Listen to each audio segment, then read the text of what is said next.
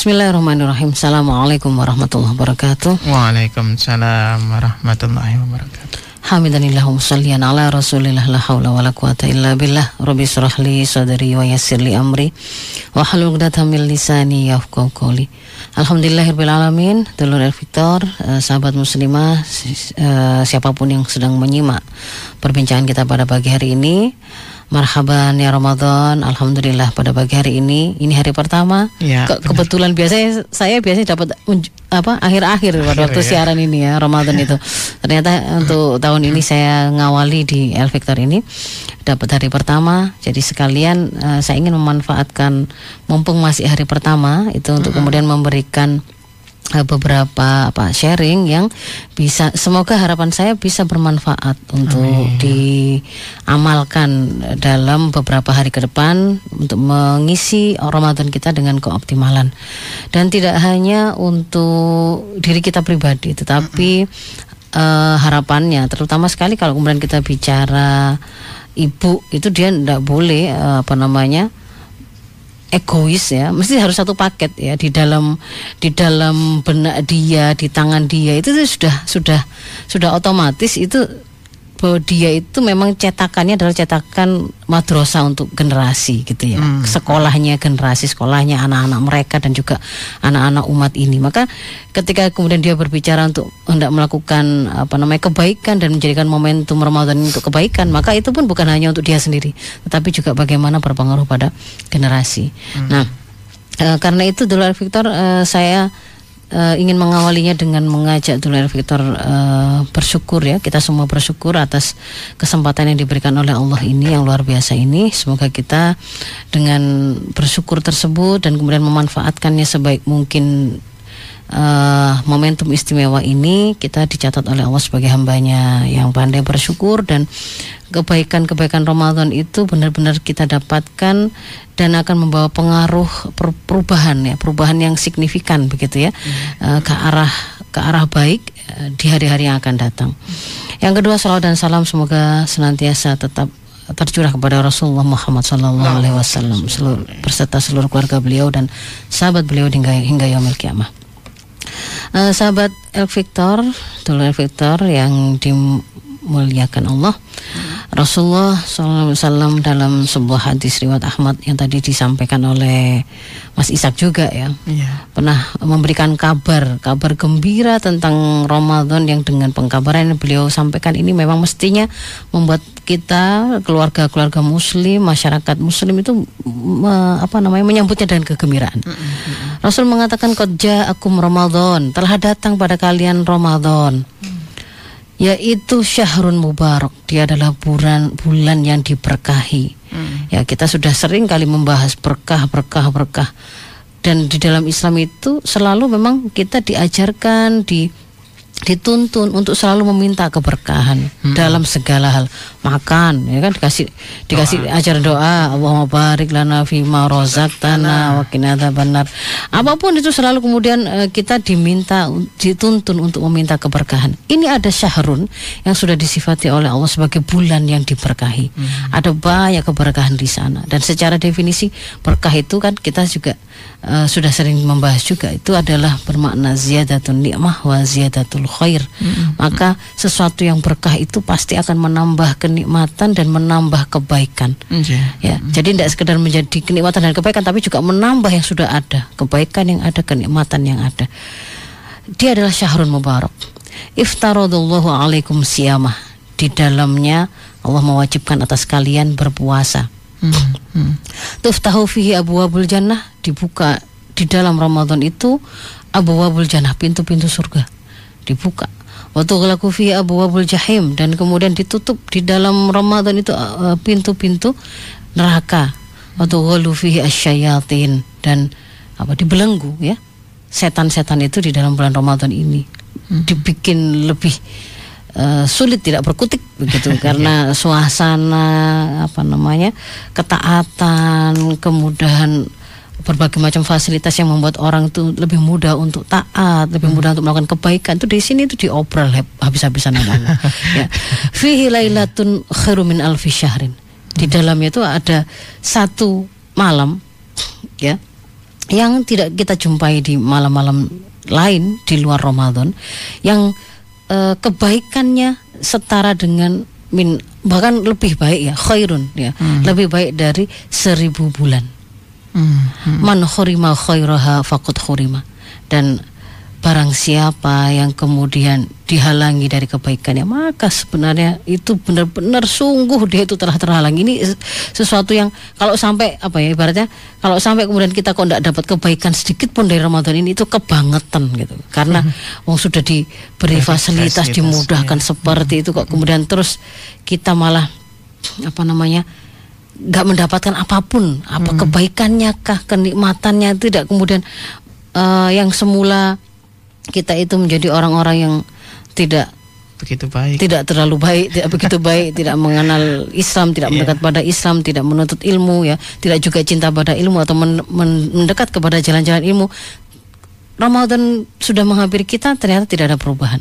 Ya sebelumnya kalimat-kalimat yang keluar dari lisan-lisan kita itu kalimat-kalimat yang kasar yang menyakiti orang-orang di sekitar kita, mungkin eh, bapak pada anaknya, pada istrinya atau kemudian eh, kesabaran orang tua ketika mendidik membersamai anak-anaknya biasanya itu kemudian sangat tipis gitu ya. Kesabarannya sangat tipis.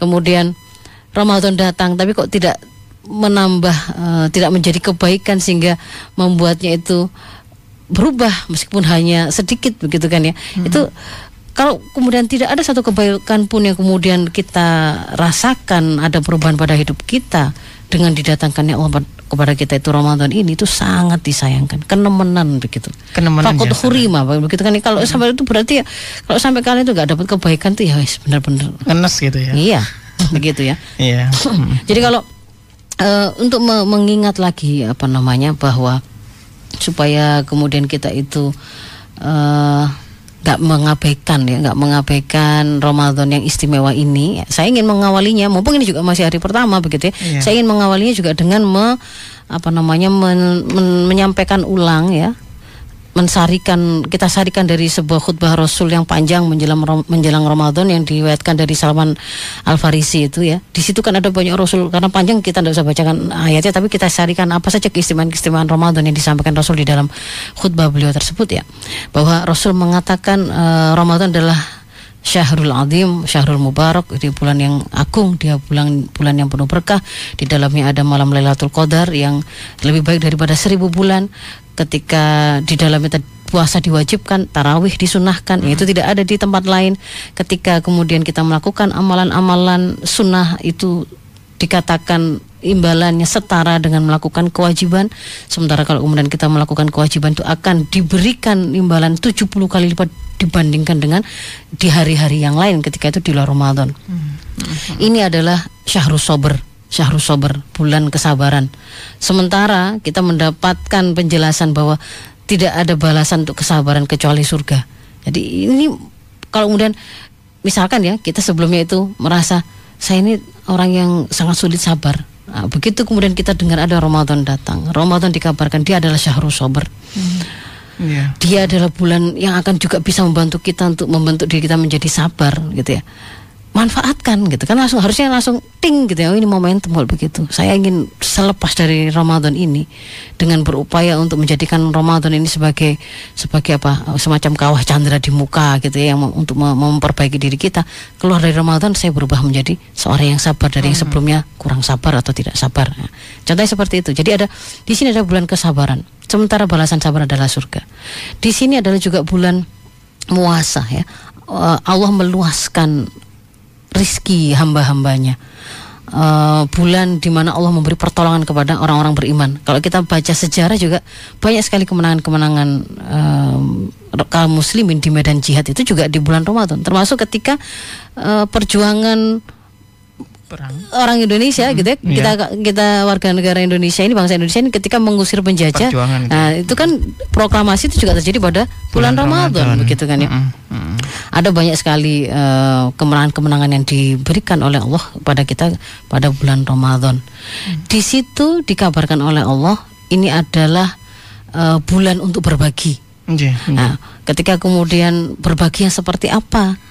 Eh, kalau kemudian itu menjadi bulan yang di mana orang dianjurkan untuk berbagi. Mungkin ada yang bertanya, ada yang bertanya, kalau kami tidak memiliki sesuatu apa pun, bagaimana bisa berbagi? Maka kemudian Rasul memberikan sebuah penggambaran yang dimaksud dengan memberikan apa namanya? memberikan buka itu tadi ya yang uh-huh. yang memberikan berbuka yang akan membuat uh, sang pemberi buka itu akan mendapatkan imbalan seperti orang yang melakukan puasa gitu ya, hmm. yang berpuasa itu itu meskipun hanya se teguk air meskipun hanya sebutir kurma begitu. Jadi hmm. tidak kemudian harus bermakna oh itu berarti harus sajian yang seperti apa tidak begitu ya. Hmm. Memberi berbuka oleh Allah di diberikan sebuah apa namanya janji akan diberi minum oleh Allah dari kolamnya. Kemudian e, ketika orang hari ini itu nanti itu kita dianjurkan untuk memberi berbuka, maka di situ dijanjikan Allah akan memberikan pengampunan, pembebasan api neraka dan pahala yang semisal dari orang yang berpuasa tanpa mengurangi bahasa, pahala dari orang yang berpuasa tersebut. Jadi kita juga dianjurkan di sini untuk memperbanyak zikir hmm. uh, empat hal ya, yang apa namanya itu mengakui pertama adalah syahadat kemudian istighfar, lalu kita meminta kepada Allah surga dan meminta uh, perlindungan dari neraka. Asyhadu alla ilaha illallah Astaghfirullah as'aluka ridhaka wal jannah wa a'udzubika min sakhatika nar. Itu kan di, diajarkan untuk diperbanyak di sini. Jadi uh, benar-benar Ramadan ini itu istimewa, istimewa. Jangan sampai kemudian kita kemudian tidak menjadikan apa namanya Ramadan ini tuh menjadi momentum kita melakukan kebaikan apa pun. Hmm. Kalau sebelumnya kita itu adalah orang-orang yang bermaksiat, taubat itu juga sangat bagus kalau kemudian kita mulai kita gunakan momentum Ramadan ini untuk menjadi momentum pertaubatan kita. Hmm. Jadi meskipun uh, mungkin kemarin-kemarin itu kita merasa oh dosa kita sangat banyak, bahkan dosa-dosa atau maksiat-maksiat yang sangat besar, sudahlah, gitu ya ini ada Ramadan datang. Allah Allah menyampaikan kamu pada Ramadan, Allah hadirkan Ramadan padamu. Berarti di situ tuh ada kesempatan yang dibuka oleh Allah untuk kita itu melakukan kebaikan. Mm-hmm. Maka mm-hmm. kalau memang kemarin itu masih ada eh, banyak kemaksiatan kita lakukan, ini saat yang tepat untuk kemudian kita melakukan pertaubatan, taubatan nasuha gitu. Termasuk kemudian kalau kita itu saya ingin apa namanya, misalkan kemudian kita menemukan anak-anak kita itu kemarin-kemarin itu kok masih sudah kuliah, sudah SMA, tapi bahkan sholat subuh itu kalau nggak saya bangunkan itu ya ndak akan sepertinya itu akan kelewatan begitu kan ya. Iya. Dan juga kemudian ada uh, habit-habit yang habit ibadah itu belum jadi habitnya mereka gitu ya, misalkan begitu ya. Nah, ini ada Ramadan datang. Ramadan datang ini kita ibaratnya ngalap barokahnya Ramadan niatkan ini menjadi momentum kita melakukan perbaikan untuk hal-hal yang kemarin-kemarin masih kurang baik pada proses pendidikan kita pada anak-anak kita, pada pola komunikasi kita pada anak-anak kita, hmm. pada uh, khidmah yang kita lakukan di tengah-tengah keluarga kita atau kemudian bahkan kalau kita itu adalah uh, orang yang dijadikan rujukan oleh masyarakat maka ini momentum juga untuk uh, menjadikan Ramadan ini menyampaikan nasihat-nasihat yang membuat umat masyarakat secara keseluruhan ini lebih mendekat lagi kepada Islam lebih mendekat lagi kepada Allah, lebih mendekat lagi kepada syariat Allah dan kemudian lebih menguatkan mereka untuk bisa teguh. Nah, ini momentumnya, itu begitu ya. nah, uh, kalau kemudian eh, apa namanya sudah kita pahami begitulah keistimewaan Ramadan ini, maka eh, sebagai apa semacam simpulan yang harus kemudian lekat pada kepala kita untuk kemudian tidak menyanyiakan itu adalah berarti momentum Ramadan ini tidak boleh kita lewatkan untuk satu ya. Kalau mau dilihat dari sisi memperbaiki kualitas personal, personal ya, hmm. perorangan individu masuk kita maupun anak kita ataupun siapa yang kita ingin perubahan ada perubahan perubahan uh, pribadi gitu ya. Ada perubahan profil. Maka pasti satu jangan lewatkan momentum Ramadan ini untuk melakukan tarkis akidah. Tarkis akidah itu penancapan keyakinan keyakinan atau keimanannya. Akidah itu kalau bahasa bahasa ulama usul ya. Mm-hmm. Kalau bahasa di di hadis satu Quran kan iman ya. Iman ya. ya tarkis mm-hmm. iman. Kalau yang kemarin-kemarin itu masih nggak yakin nggak yakin yakin amat bahwa Allah itu al muhyi al mumit yang mematikan dan menghidupkan itu Allah sehingga dia itu uh, sedikit-sedikit takut ya takut apa namanya takut mati, takut gak gak ada rizki, takut eh, takut melakukan memulai sesuatu yang baru karena khawatir di situ nanti berisiko ini ini ini ditinggalkan orang atau apa pun dan seterusnya. Padahal di dalam eh, bangunan profil kita sebagai seorang mukmin itu kan basisnya kan akidah atau keimanan. Keimanan. Keimanan itu kan bukan sekedar meyakini bahwa Allah itu ada Allah. Mm, ada Allah itu yang mengadakan kita dan seluruh alam semesta ini dari tidak adanya. Dia adalah sumber dari segala sumber kekuatan. Kalau kita itu butuh bantuan, butuh rizki gitu ya. Sebenarnya yang lebih besar eh, rizki atau harta itu bukan bukanlah gaji yang kita dapatkan dengan kita bekerja.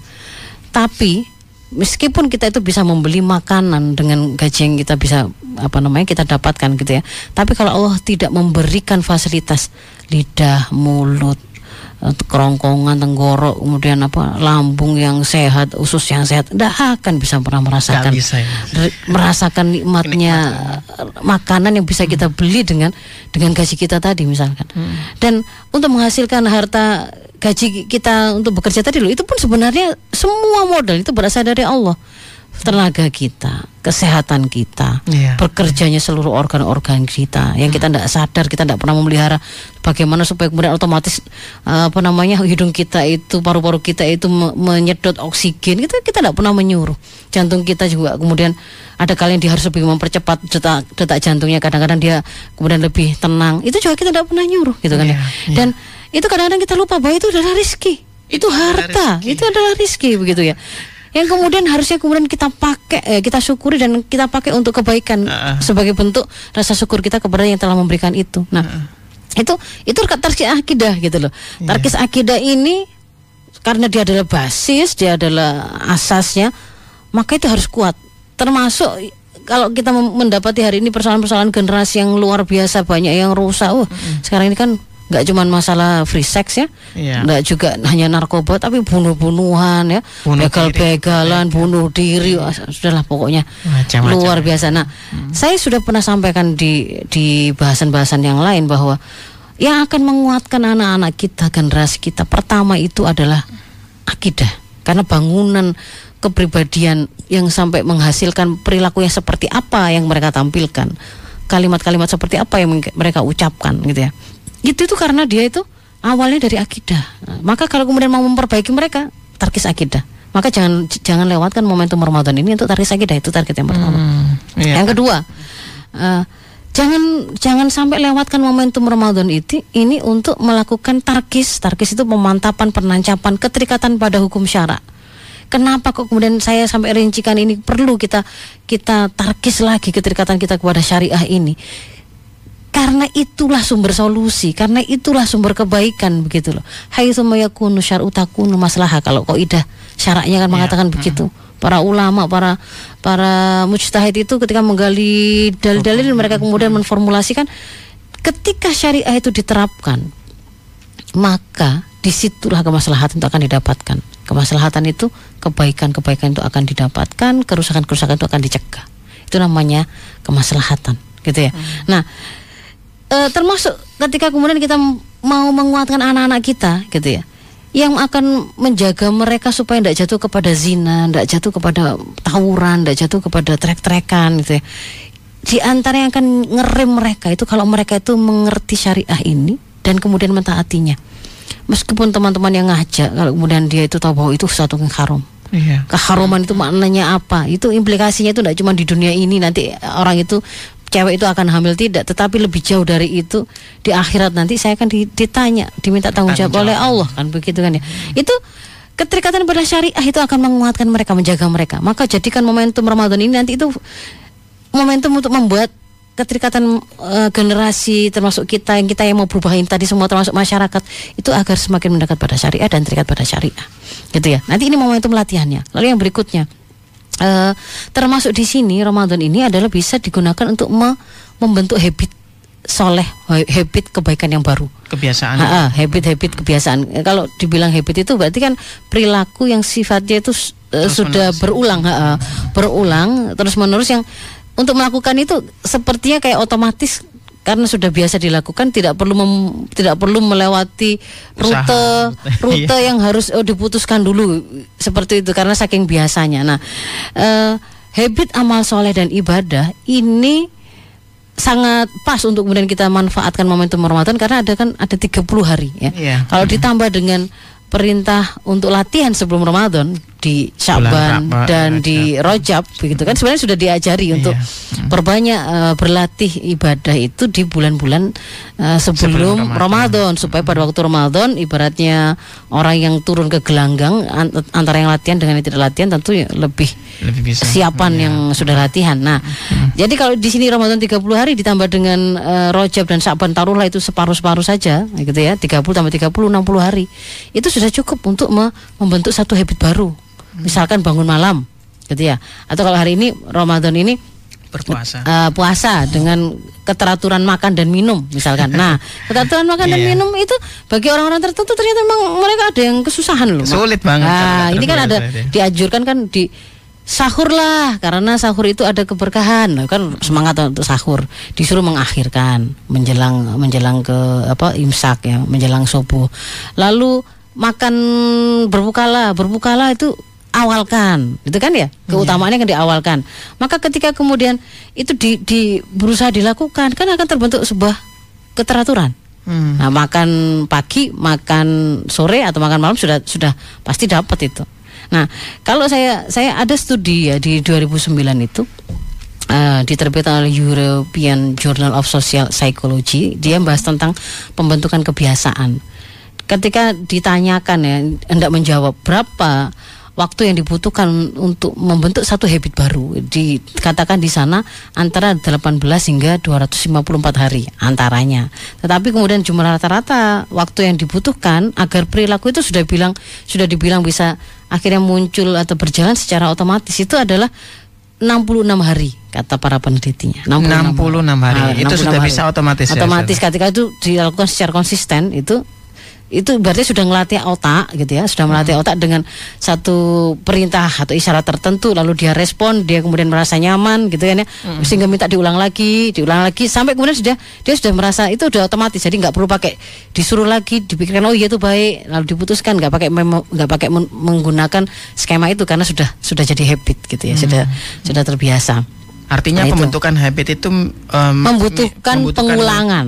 Heeh. membutuhkan kekonsistenan selama 66 hari itu. ah, itu ya. rata-rata. Rata-rata, Ada yang ya. mengatakan 40 hari sudah cukup. Nah, 40 hari itu berarti kan kalau Ramadan tinggal sudah 30 hari tinggal nambah 10 hari. Kalau misalnya mau bikin habit Syakban setiap hari setiap hari pasti ngaji gitu ya. Iya. Yang sebelumnya itu susah setiap hari ngaji. Nah, ini setiap Ramadan hari-harinya itu pasti ngaji meskipun hanya satu halaman satu halaman.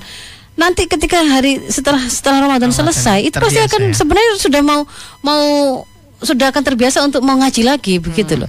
Sama dengan puasa kan juga gitu. Iya. Kita kan bahkan sudah it itu rasanya kayak terbawa masih kemarin itu puasa itu kan gitu kan ya. Ikhlas ya. Karena karena sudah kadung terbentuk itu dalam apa namanya siklus keseharian kita. Nah, itu seperti itu. Jadi benar-benar eh, apa namanya momentum Ramadan ini itu bisa kita manfaatkan untuk membentuk satu habit baru. Terus yang lain lagi itu apa? Eh kalau pada generasi itu juga kita bisa gunakan Ramadan ini untuk membangun dan mengasah kemandirian, termasuk penguasaan skill skill kehidupan ya. Ya kalau kemudian pada anak-anak kita Iya. eh di antara apa namanya di antara yang kemudian mereka harus miliki harus tercetak dalam proses eh, pendidikan yang kita lakukan. Itu tidak semata-mata dia terbentuk pola pikir Islami dan pola sikap Islami tetapi juga harus juga kita bekali mereka dengan life skill kan? Life skill itu kan di antaranya misalkan ya untuk ngeramut dirinya sendiri. Misalkan kalau dia itu butuh makan butuh air masak air seperti apa masak masakan sederhana seperti apa ngerti nyala kompor begitu begitu itu itu bagian dari yang sebenarnya juga harusnya mereka juga kuasai. Ramadan karena kita itu anak-anak diliburkan orang tua orang tua juga lebih lebih apa namanya memiliki kesempatan untuk di situ ada apa namanya ada ini kan ada waktu-waktu yang sifatnya itu lebih longgar untuk mereka melakukan aktivitas bersama, misalkan nyiapkan nyiapkan Buka eh, puasa. pua- buka puasa, nyiapkan sahur. Nah, eh, itu jadikan sekalian momentum untuk me- mengasah kemandirian, memberikan skill kehidupan. Misalkan kayak ke- keterampilan kora-kora ya, keterampilan apa? cuci piring. Nah, itu kan juga bisa di situ begitu ya.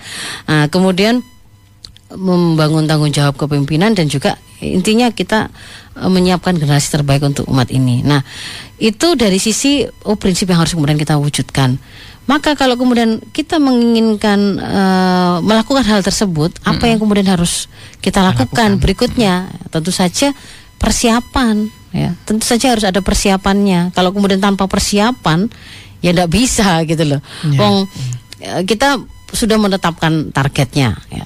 Kalau kita bicara menetapkan target itu berarti nanti antara kalau saya punya anak yang usianya itu dini dengan anak yang usianya itu sekolah SD atau tujuh tahun kedua atau kemudian anak itu usianya menuju balik atau bahkan pasca balik sudah balik seperti anak-anak yang usia SMA atau kuliah ya tentu targetnya berbeda. Sesuaikan dengan kondisi dari anak-anak kita masing-masing.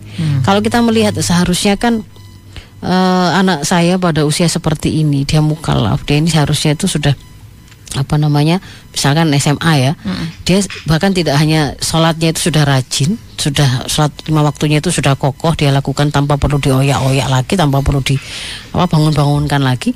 Tapi dia juga sudah harusnya sudah mulai punya skill untuk mengingatkan atau ngajak temannya kalau dia di antara temannya ada yang nggak sholat. Nah ini kan kita kan sesuaikan gitu loh usianya. Dengan usia itu ada target ini.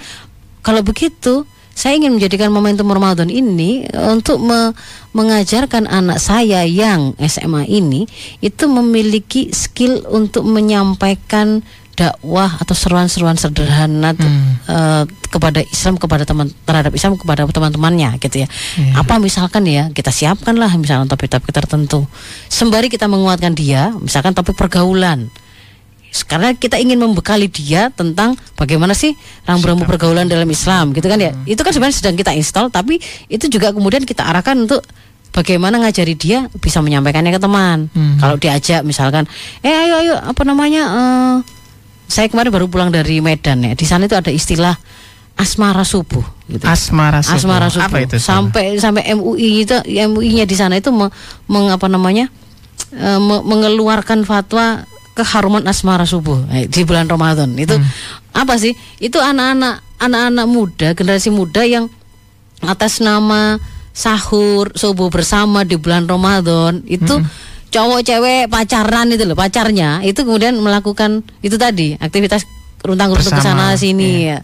Di diberi nama asmara subuh. Masya Allah. atau kemudian hari ini mungkin nanti kita juga menemukan anak-anak anak-anak muda kita yang eh, Buka- buka ah, bersama, ah, buka bersama, modusnya itu buka bersama, modusnya Itu kan modusnya apa namanya jalan-jalan sore itu apa? iya. Ah, ah. Ngabuburit. Nah, ya. ngabuburit. Nah, itu itu kemudian kita kita oh ini ini anak-anak itu momentumnya apa namanya? Faktanya itu seperti ini pola pergaulan mereka. Maka saya ingin kemudian me- meluruskan memberi modal kepada anak saya supaya jangan katut gitu kan ya. Iya. Saya masukkanlah itu. Di mana target di target ditetapkan, kontennya sudah ditetapkan. Kapan saya akan mengeksekusi program untuk pe- pembekalan itu? Oh, kayaknya kita desainnya eh, setiap selesai subuh kah atau selesai apa ya misalkan yang kalau agak longgar apa? Itu latihan kayak Setelah, kultum iya. misalnya begitu. Diawali dari sang bapak dulu atau bagaimana begitu. Jadi harus ada yang namanya kemudian penetapan target penetapan konten penetapan metode dan uslub apa cara apa yang kemudian kita pakai. Hmm. bahkan kemudian bisa jadi juga akan kita tetapkan juga seandainya kemudian ada pelanggaran metode takdib atau pelurusannya seperti apa nah Iya, eh, eh, masih ada waktu ya Masih ada Masih ya? waktu. nah, itu sendiri sebenarnya ketika kita menetapkan menetapkan target tadi ya Mas Ishak ya, Iya. itu sejalan dengan prinsip pendidikan di dalam Islam. Saya sarikan saja, reviewkan saja se- beberapa prinsipnya itu supaya lebih cepat. Yang pertama itu eh, prinsip pendidikan dalam Islam itu adalah berbasis akidah Islam dari sisi kontennya semuanya itu digali dari akidah Islam untuk men- untuk menjadi apa sandaran dan standar penilaian ini benar salahnya halal haramnya baik buruknya itu akidah Islam Tolak ukurnya. ah tolak ya. ukur ya atau mikias ya lalu yang kemudian yang kedua prinsip eh, berbasis orang tua artinya pelaku dan penanggung jawab utama pendidikan itu adalah orang tua ya jadi nggak bisa eh nanti biarkan di sekolah kan ada apa namanya eh, pondok Ramadan. Lu jangan hanya hanya mengandalkan begitu karena kita bicara sebenarnya prinsip pendidikan dalam Islam itu berbasis orang tua. Orang tua itu adalah penanggung jawab utama gitu loh. Pendidikan Harus ada anak-anaknya. pendampingan juga Ah, gitu ya. jadi dia harus kalau kemudian dia mendapati anaknya itu kok nggak puasa itu yang yang akan ditanya pertama oleh Allah ya orang tuanya, tuanya. ya bukan gurunya guru agamanya kok nggak ngajari sih? Kok nggak nggak begitu Iya. begitu loh ya. Jadi dia harus punya desain memang kepada anak-anaknya. Lalu yang ke- berikutnya itu berbasis usia apa pun pengajaran yang kita lakukan itu gak, gak disamakan antara anak usia tiga tahun dengan 8 tahun? dengan 15 tahun 12, itu nggak sama. Maka ada prinsip berbasis usia. Kemudian yang berikutnya eh, prinsipnya adalah semua yang kita lakukan itu pertimbangkan potensi yang dimiliki oleh anak dan optimalkan. Jadi bukan jangan fokus kepada kelemahan-kelemahan yang dimiliki oleh masing-masing anak. Anak-anak itu kan masih pasti unik ya, masing-masing satu orang dan orang lain itu mesti Berbeda. beda. Ada kelebihan di mana, ada kekurangan di mana. Maka wajib bagi para pendidik termasuk orang tua itu fokus pada potensi yang dia punya. Misalkan kalau kemudian kita itu gini, kita itu merasa sudah ngajari anak kita banyak ngandani bolak-balik ya kita sudah kasih nasihat sering lah kita kasih nasihat kok nggak berubah-berubah akhirnya kalau kita orientasi kita pada hasil dia nggak berubah ya sudah saya hentikan jar-jarno biar-biarkan saja lah dia. Sekar karpe. sakarap-karapnya gitu ya. Itu salah kalau seperti itu. Karena seharusnya ber, prinsipnya fokuslah kepada potensi jangan pada hasil. Kalau pada potensi kita akan berpikir anak saya itu punya telinga. Telinganya itu bisa mendengar Allah kasih potensi bisa mendengar. Dan kalau kemudian lafaz yang saya sampaikan itu kebenaran dia bisa dengarkan di telinganya dia juga punya potensi otak. Otaknya itu bisa mengolah Berpikir. berpikir untuk bisa mengetahui itu benar atau salah. Entah itu membutuhkan satu dua hari untuk dia paham atau beberapa. Tapi itu potensinya dia punya. Maka bagaimana? Karena selama dia masih punya potensi itu berarti ya saya harus terus lakukan stimulasi kan begitu. Terus saja kasih nasihat. Terus saja. Cuman cara ngasih nasihatnya yang berbeda-beda caranya. Jangan satu kalimat diulang-ulang persis gitu ya. Kalau gugah pagi misalkan. Ayo bangun bangun. Tangi tangi tangi gak tangi tak nyos. Ada ada orang tua orang tua yang Ada, begitu ya. ada. Mm-mm.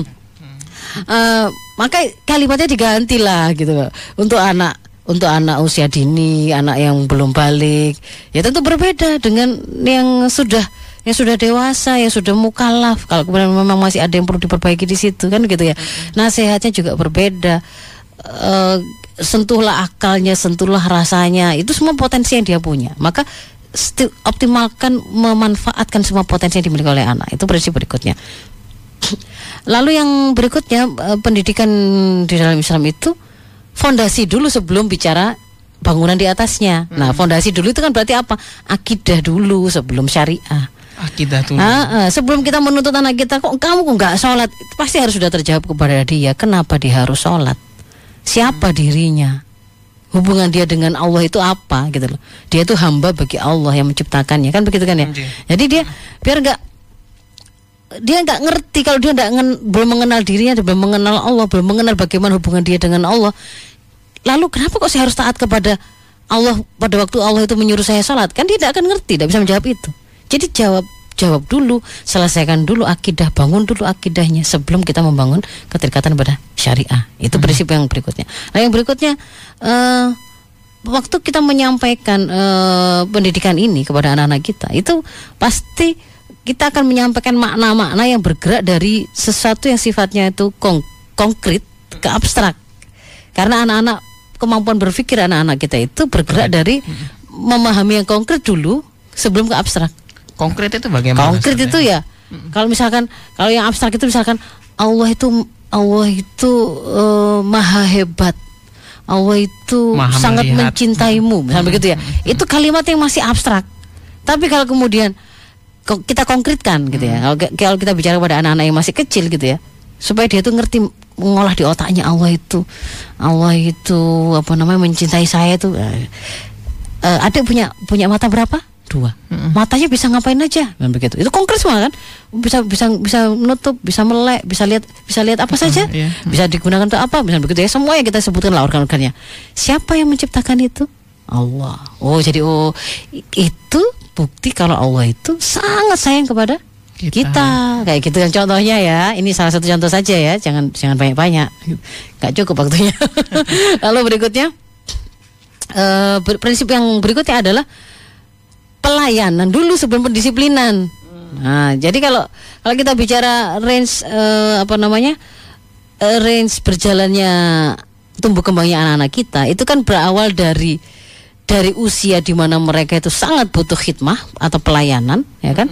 Ta- sangat tergantung kepada pelayanan orang-orang dewasa di sekitarnya. Tanpa itu mereka bahkan akan mati. S- sampai kemudian bergerak hingga dia mandiri dari yang pem- pemahamannya itu masih nol masih kosong belum ngerti sampai kemudian bergerak dia memaham dan dia tahu konsekuensi kan begitu kan ya? Iya. sehingga jangan bicara pendisiplinan kalau belum pernah memenuhi apa yang menjadi haknya untuk mendapatkan pelayanan. Hmm. Uh, wong dia itu belum pernah di, diberi kasih sayang gitu ya.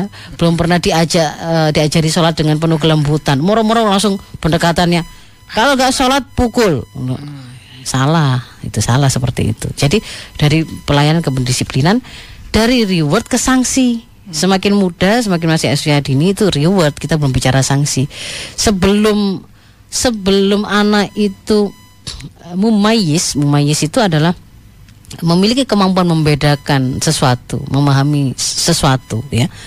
Membedakan baik buruk ya, membedakan perlakuan baik dan buruk atau malu dan tidak malu itu belum mayis berarti.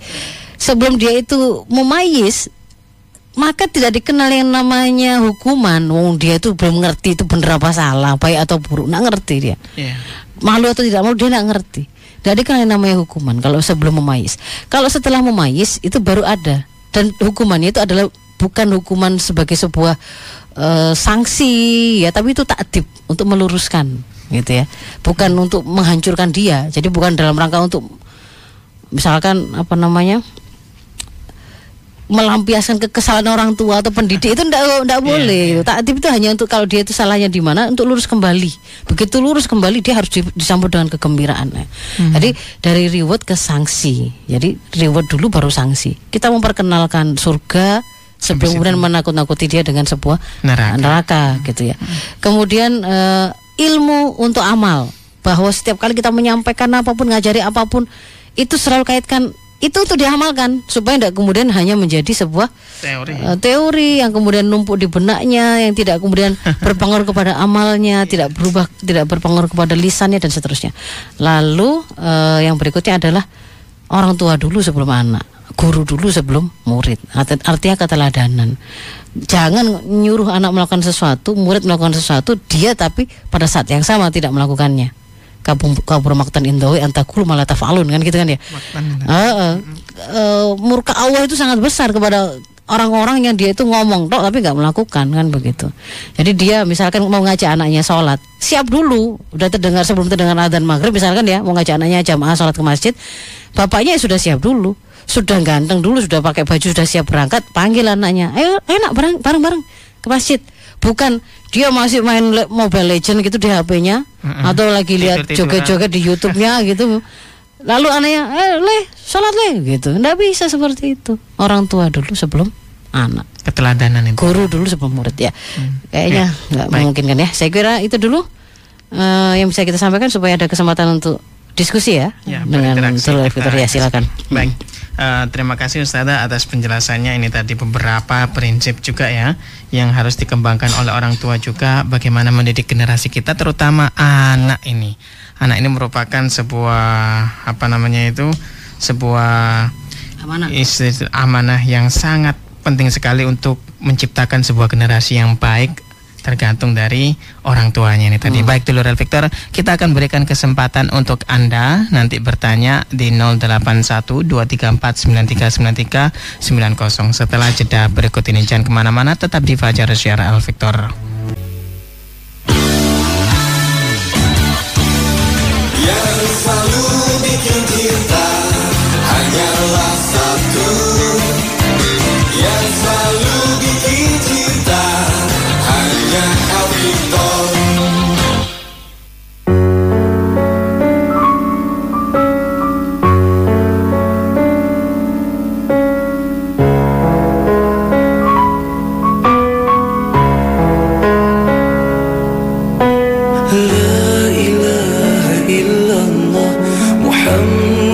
Ya baik telur Victoria kita lanjutkan kembali. Ada kita tilpa terima Iya, teleponnya boleh, Ustazah, nggih? boleh. Hmm. Ya, ada Bu Dia. Assalamualaikum warahmatullahi wabarakatuh, Ibu. Waalaikumsalam warahmatullahi wabarakatuh. Assalamualaikum Ustaz. Anu Waalaikumsalam. Waalaikumsalam warahmatullahi wabarakatuh Iya. ya.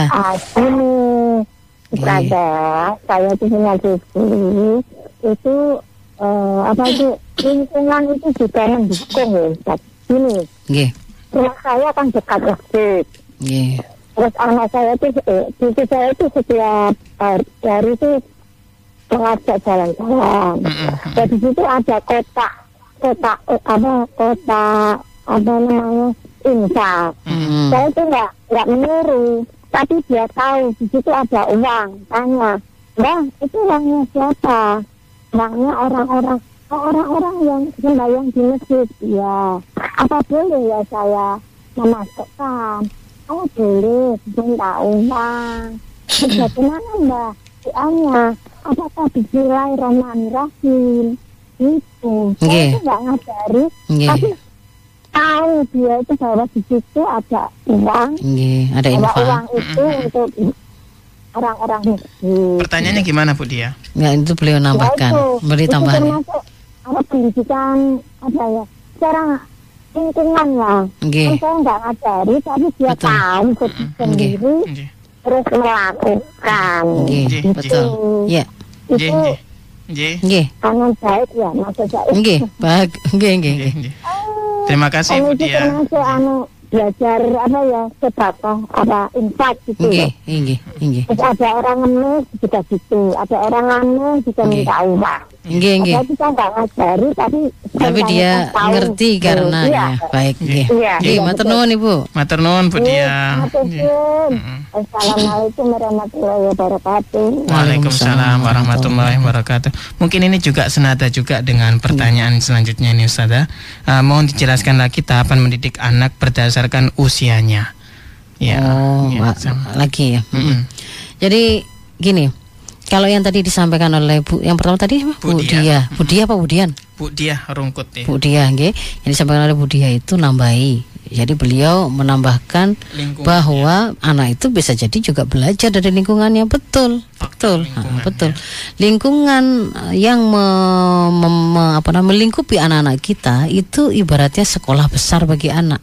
Itu yang juga mempengaruhi besar. ya? mempengaruhi Hmm. seperti yang dimaksud dengan lingkungan di sini atau kondisi masyarakat di sini yang menjadi sekolah besar bagi anak itu contohnya apa ya contohnya tadi itu kalau di tengah-tengah kehidupan pertetanggaan itu dia biasa melihat setiap ada adzan ada bapak-bapak ibu-ibu anak-anak kemudian berangkat ke masjid, Masjid itu ya. Ah, ah, kemudian di situ dengan kegembiraan anak-anaknya berangkat dengan kegembiraan bareng-bareng kok seneng begitu kan ya.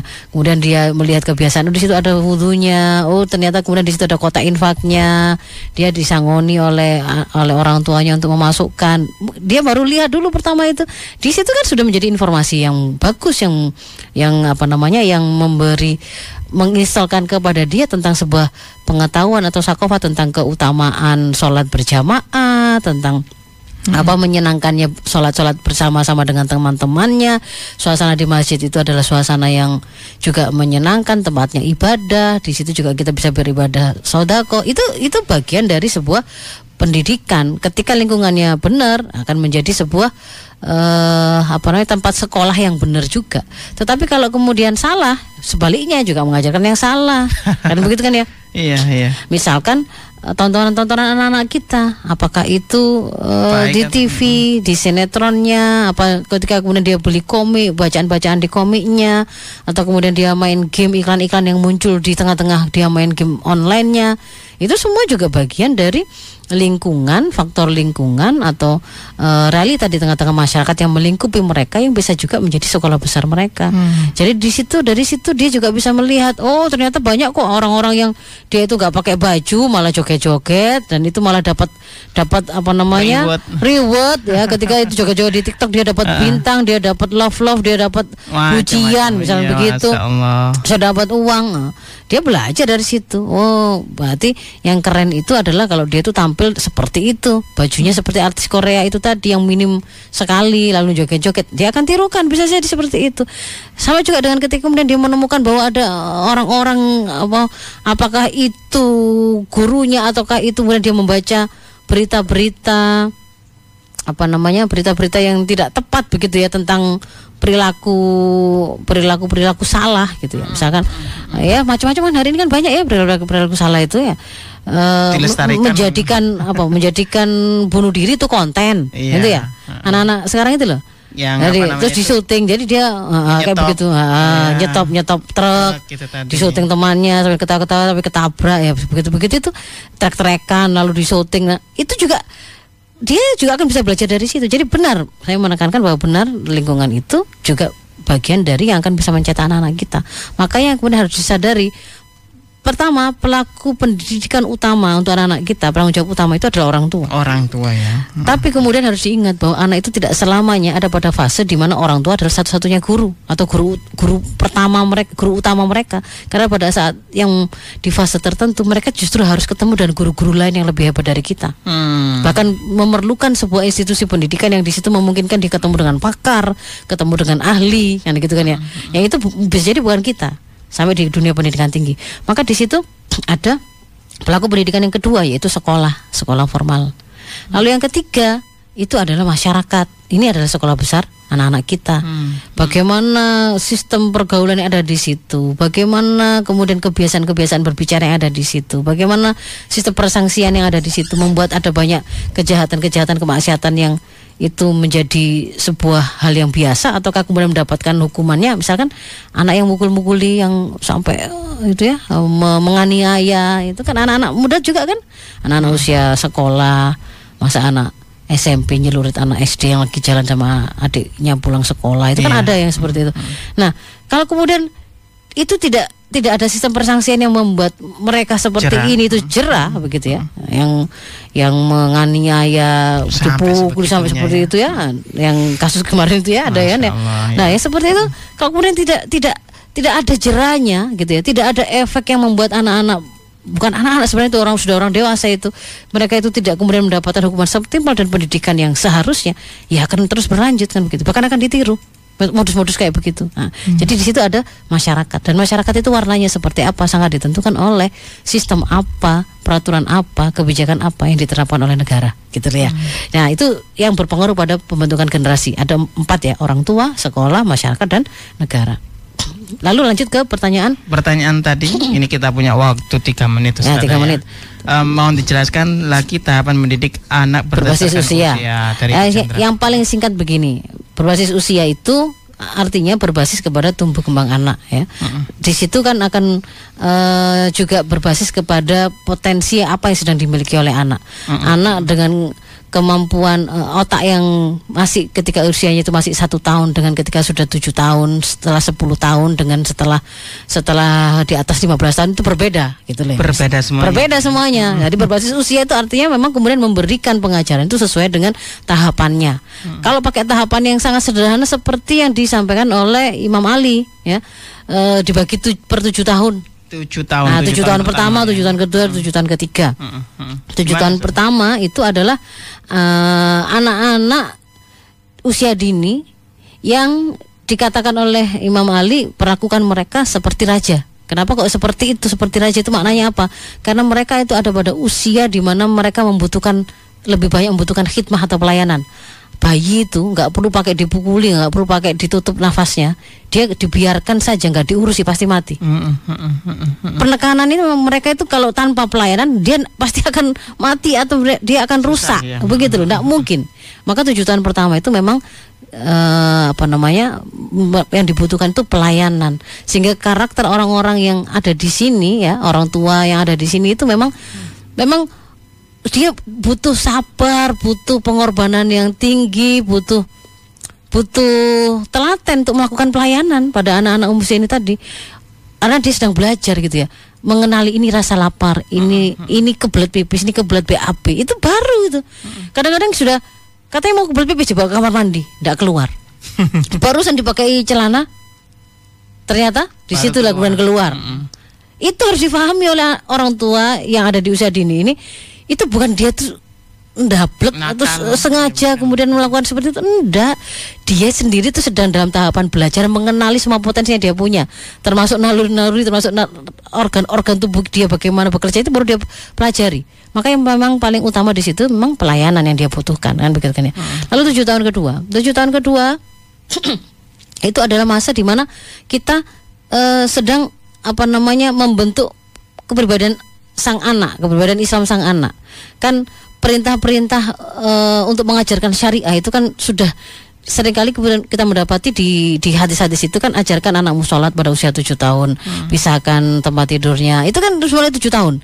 Dan tujuh tahun itu oleh oleh para ulama itu itu juga dikenali sebagai momentum anak mulai mulai memiliki eh, kemampuan mumayis ya mulai mumayis kemampuan untuk memahami Membedakan. sesuatu membedakan sesuatu.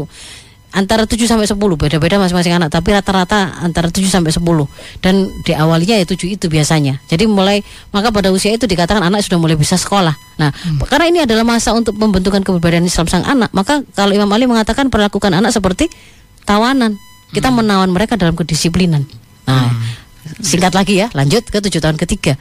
Tujuh tahun ketiga berarti kan maksimalnya kan setelah 14 tahun itu adalah usia maksimal anak dikatakan mu- belum mukalaf setelahnya itu pasti mukalaf Hmm. karena dia sudah balik dikatakan begitu Iya, ya 14 ke atas ya. Iya, 21 jadi ya. dia sudah mumayis, mumayis ini menuju kepada akil. Pada waktu kemudian di tengah-tengah antara 7 sampai 14 ini ternyata misalkan ya, dia dia mimpi basah, dia eh, menstruasi berarti dia balik, akil ketemu balik mukalaf. Ada yang kemudian sampai dia usia 14 tahun belum belum belum menstruasi, belum, Belum mimpi basah. Maksimal 14 tahun itu itu dia sudah pasti baliknya. Sehingga setelah itu dia kan berarti mukalaf.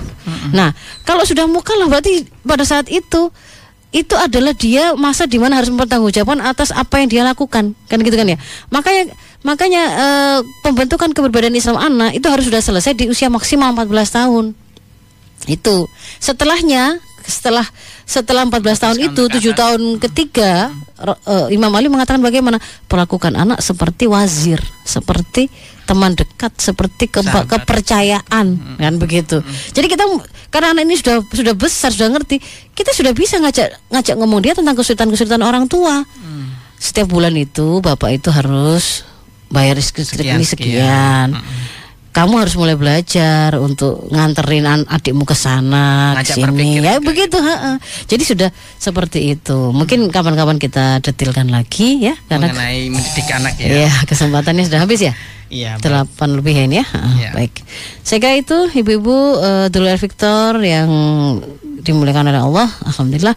Saya mohon maaf kalau ada hal yang kurang berkenan Afumikum ihdinas siratal mustaqim. Assalamualaikum warahmatullahi wabarakatuh. Waalaikumsalam warahmatullahi wabarakatuh.